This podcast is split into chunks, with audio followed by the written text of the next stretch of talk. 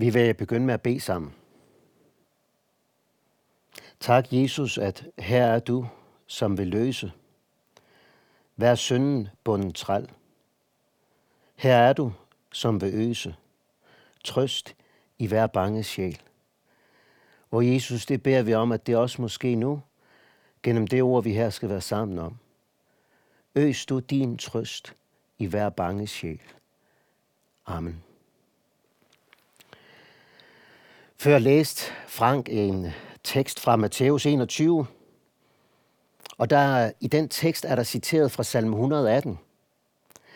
Og i den forbindelse kunne jeg godt tænke mig, at vi skulle læse øh, lidt flere vers fra salme 118. Salme 118 er en stærk salme, der vidner om Jesus, Guds søn. Så vi vil begynde med at læse fra salme 118, vers 19 til 29. Luk retfærdighedens porte op. Jeg vil gå ind og takke Herren. Her er Herrens port. Her går de retfærdige ind. Jeg takker dig, for du svarede mig at min frelse. Den sten bygmestrene vragede er blevet hovedhjørnesten. Det er Herrens eget værk. Det er underfuldt for vores øjne. Denne dag har Herren skabt. Lad os juble og glæde os på den. Herre, frels dog. Herre, lad det lykkes. Velsignet være han, som kommer i Herrens navn. Vi velsigner jer fra Herrens tempel. Herren er Gud. Han skal give os lys. Lad festprocessionen danne kæde helt op til alderets horn. Du er min Gud. Jeg takker dig. Min Gud, jeg priser dig. Tak Herren, for han er god. Hans trofasthed varer til evig tid. Amen. Helt fra gammel tid har evangelieteksten fra Matthæus 21 også været evangelieteksten til første søndag i advent, og så altså også nu i dag. Det er jo lidt interessant. For på den måde vidner både adventstiden og julens budskab om det barn, der fødes, det er din konge, der kommer til dig. Og når så også Matthæus 21 igen læses her, søndagen før påske, så er vi nu på vej til at høre, hvordan din konge kommer til dig og bliver din konge.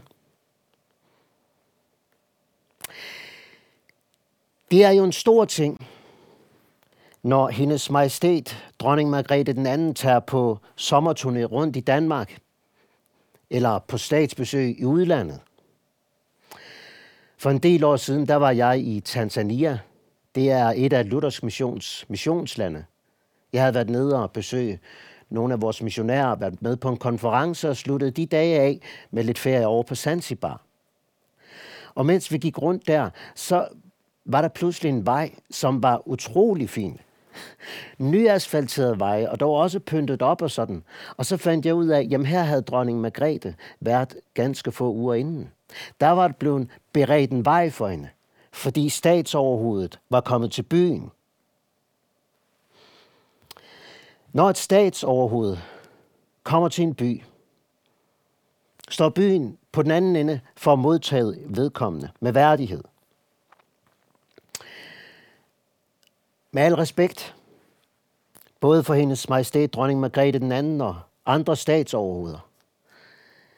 Men det er ingenting i forhold til det, vi møder her og læser om her. For her hører vi om ham, som er fra evighed og lever i alt evighed. Det er der ikke nogen andre statsoverhoveder, der gør, selvom nogle af dem måske godt kan have bildt sig selv det ind, at de skal være regent i evighed. Her kommer han, som er kongernes konge. Og således også over Joe Biden. Han er over Vladimir Putin. Han er over Xi Jinping. Og hvad de ellers hedder. De skal alle sammen en dag bøje knæ for kongernes konge. Jesus Kristus, din frelser. Og jeg må indrømme, jeg, jeg ser frem til den dag, hvor, hvor vi skal se det der. Putin, Xi Jinping, Joe Biden og hvad de nu alle sammen hedder. De skal bøje knæ for kongernes konge. Din og min frelser. Det bliver et skønt syn. Jeg er spændt på, hvordan de reagerer på det. Prøv du at tage til Washington D.C. for at ringe på fordøren til det hvide hus. Øh, jeg tror ikke engang, du når hen til fordøren. Det er lukket land for dig. Og det er jo så endnu mere overraskende, det vi læser om her. At her kommer han, som er kongernes konge. Og nu hedder det, se, din konge kommer til dig. Sådan læste vi fra Matthæus 21. Det er jo helt vildt, at der er en konge, kongernes konge, der vil komme til dig.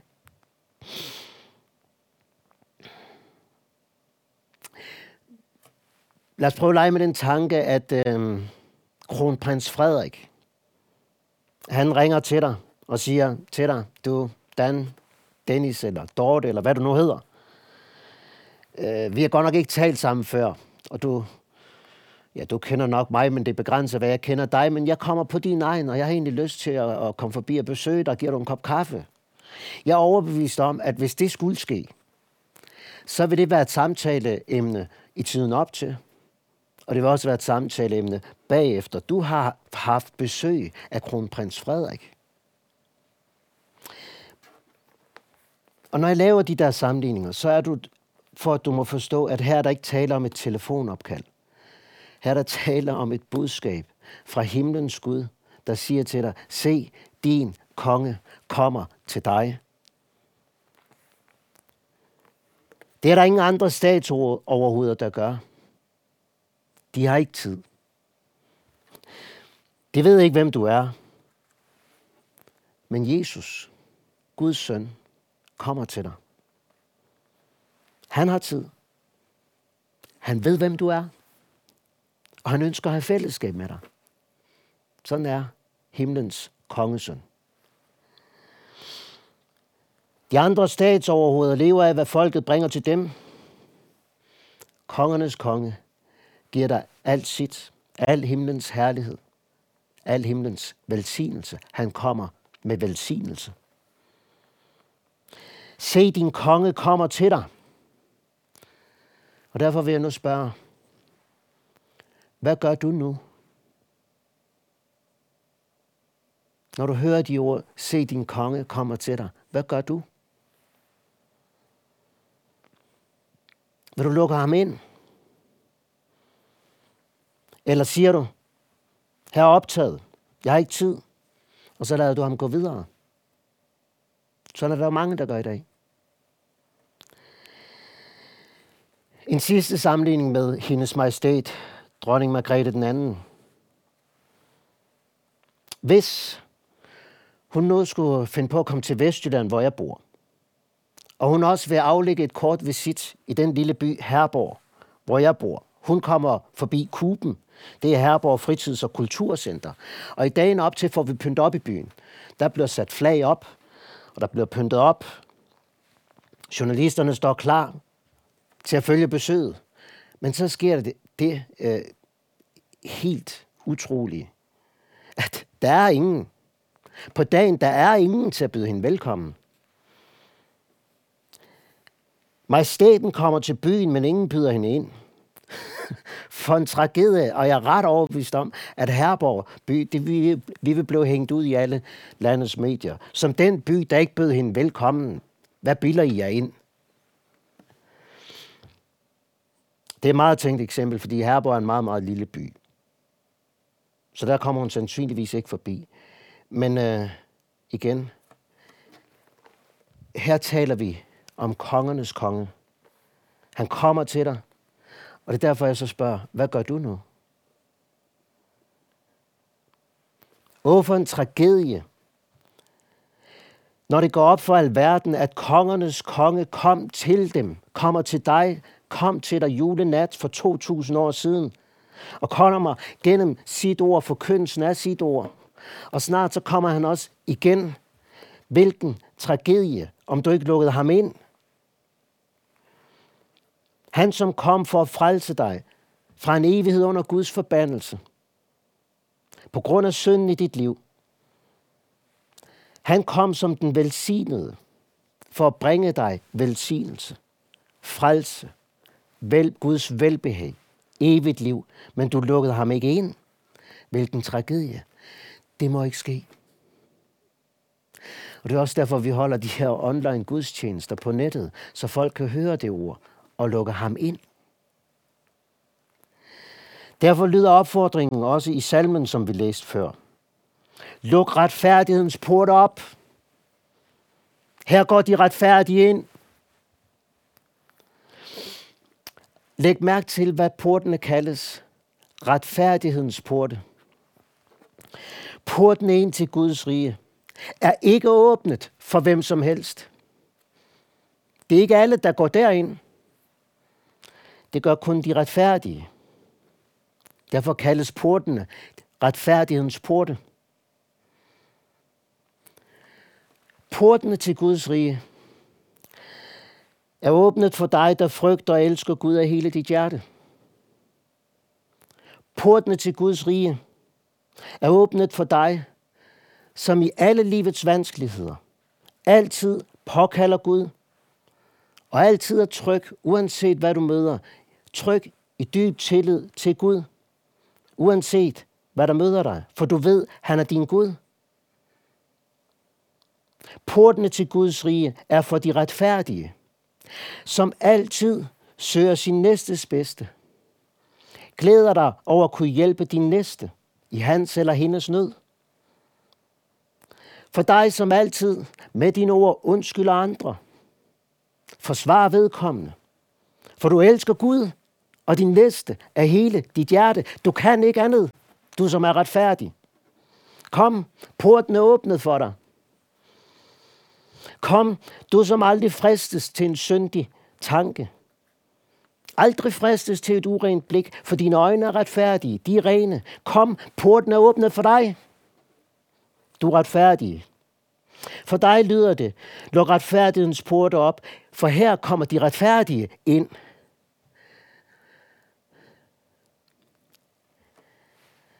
Det er mit håb, at du nu sidder med en erkendelse af, at så er portene lukket for mig. Det er nemlig det, der er mit problem. Og det er den nød, hvert menneske står i.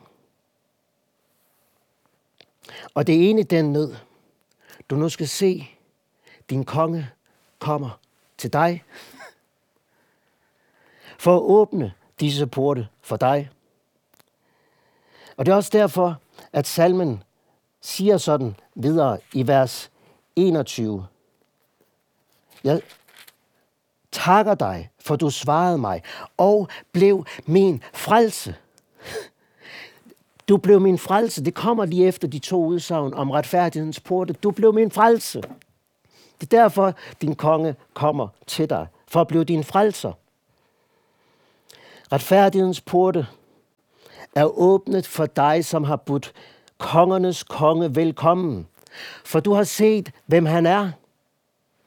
Her er han, som vil løse hver syndenbunden træl. Her er han, som vil øse trøst i hver bange sjæl. Trøst i hver uretfærdig sjæl.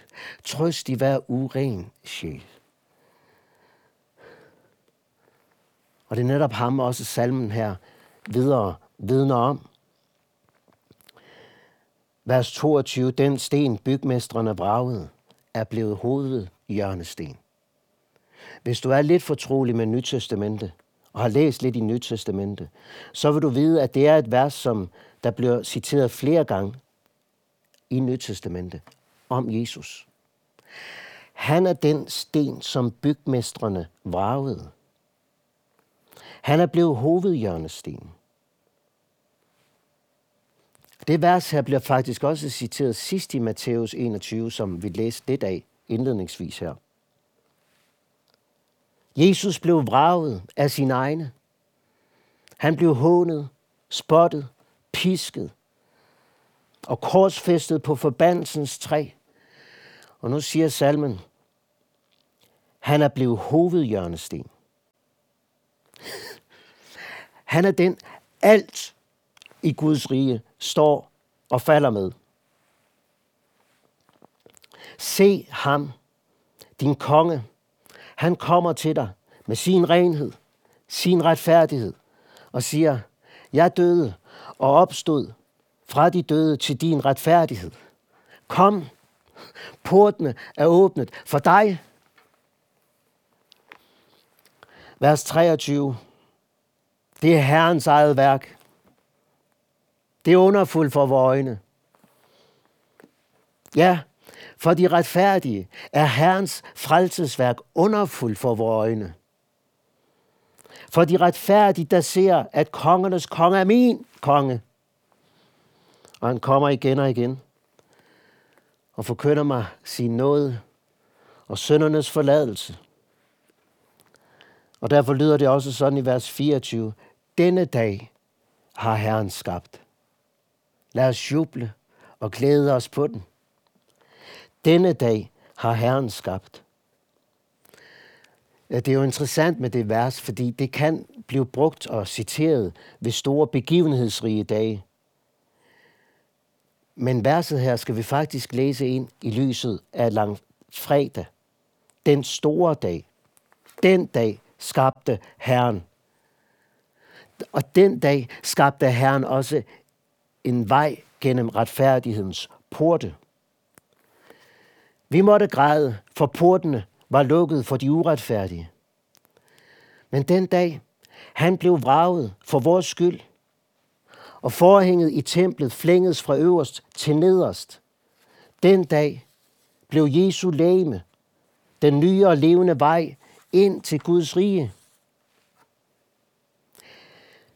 Se, sådan kommer Jesus Kristus, kongernes konge, din konge til dig, og byder dig velkommen ind i sit rige. Og i Jesu navn kan jeg sige til dig, kom, for retfærdighedens porte er åbnet for dig. Kom, for denne dag har Herren skabt. Lad os juble og glæde os på den.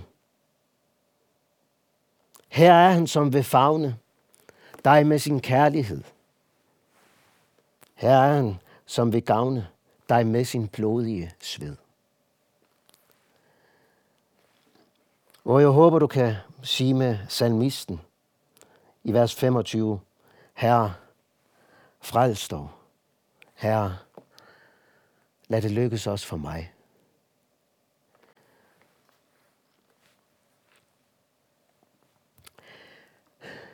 Den dag, hvor Jesus red ind i Jerusalem,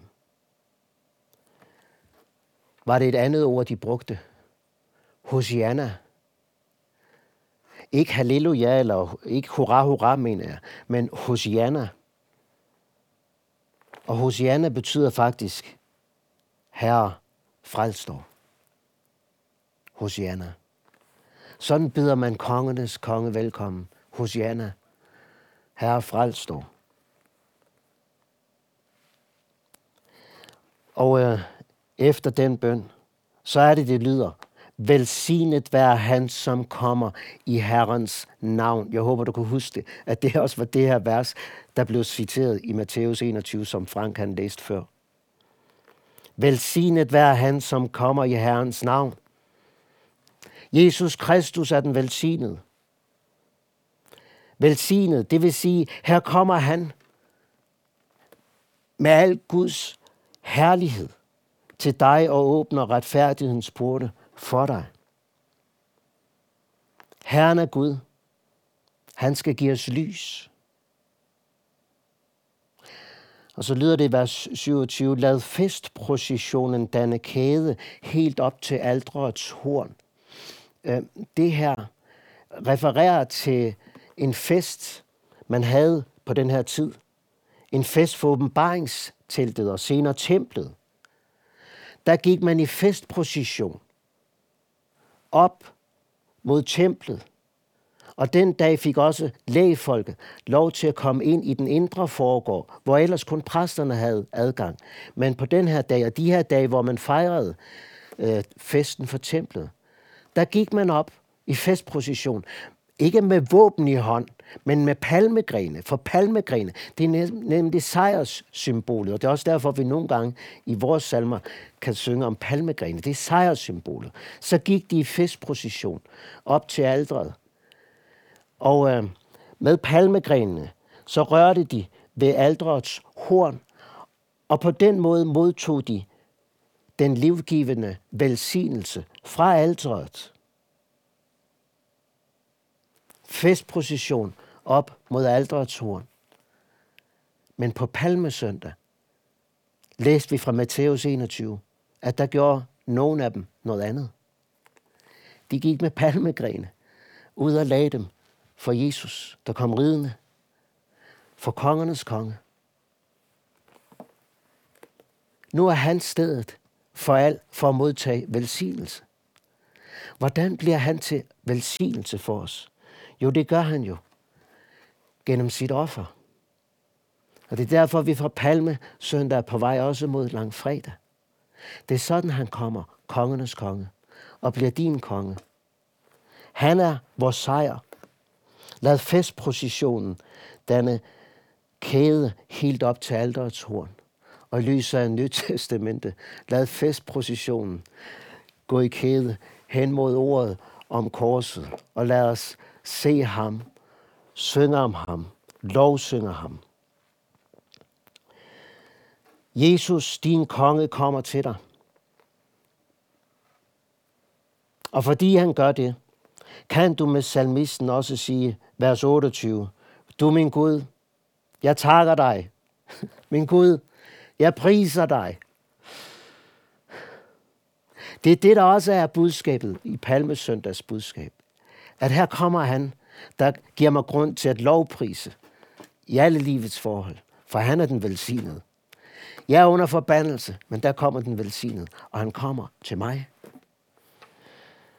Eller vi kan også sige det, som vi skal synge det bagefter. O du Guds egen børneflok, hans smerters store løn. Du som er en del af denne flok, der lovpriser ham. Du er en del af den store løn, hans smerte førte med sig. Og derfor lyder spørgsmålet, kan du din frelser prise nok? O, kron ham. Kron ham. Kron ham. Himlens kongesøn. Og snart, og jeg tror, det er meget snart, så skal du se din konge komme til dig på himlens skyer med magt og megen herlighed. Og så skal han samle de frelste fra de fire verdenshjørner. Og jeg tror, det er meget snart. Fordi det er en mørk tid, vi lever i. Og jeg synes egentlig, det er blevet så opmuntret for mig, det her med den mørke tid. For det vidner om, at dagen er nær. Paulus han taler om det i Romerbrevet. I kender til med, I kender til med timen og ved, at det er på tide at stoppe og søvne, for nu frelsen os nærmere, end da vi kom til tro. Og så siger han, natten er fremrykket. Dagen er nær. Så natten, når natten bliver mørkere og mørkere, så ved Guds folk, dagen er nær. Og jeg synes, det er blevet så opmuntret i en tid, hvor det er som om mørket tager til. Og vi møder det der faktisk flere steder i skriften, at forud for Herrens komme, der er der mørke. Vi mødte det jo ved udfrielsen af Ægypten. En af de sidste, anden sidste plage, det var jo, at der blev mørke over hele Ægypten. Tænk på det. Når det er som om, at det bare bliver mørkere og mørkere, så ved du en ting. Kongernes konge kommer snart. Og vi møder det andre steder i skriften, men lad det nu være med de eksempler her. Snart kommer han. Og så skal de retfærdige med øjnene og med krop og med hele følelsesregistret. Efter de dødes opstandelse. Gå gennem retfærdighedens porte. Gå ind og takke Gud Herren og lammet i al evighed. Vi skal takke Herren, for han er god. Hans trofasthed, hans frelses trofasthed var til evig tid. Så også i evighed skal vi takke ham for det. Lad os begynde, også her i tiden, at takke ham for det. Lad os bede. Herre Jesus Kristus, tak at du er kongernes konge. Og tak at du modtog kongeværdighed, da du blev hængt op på forbandelsens træ. der modtog du tornekronen for vores sønders skyld. Og der bragte du din retfærdighed og al himlens velsignelse til os. Jesus, vi takker dig, for du er god. Din trofasthed varer til evig tid. En hver tid. Altid. Lovet være dit navn. Amen.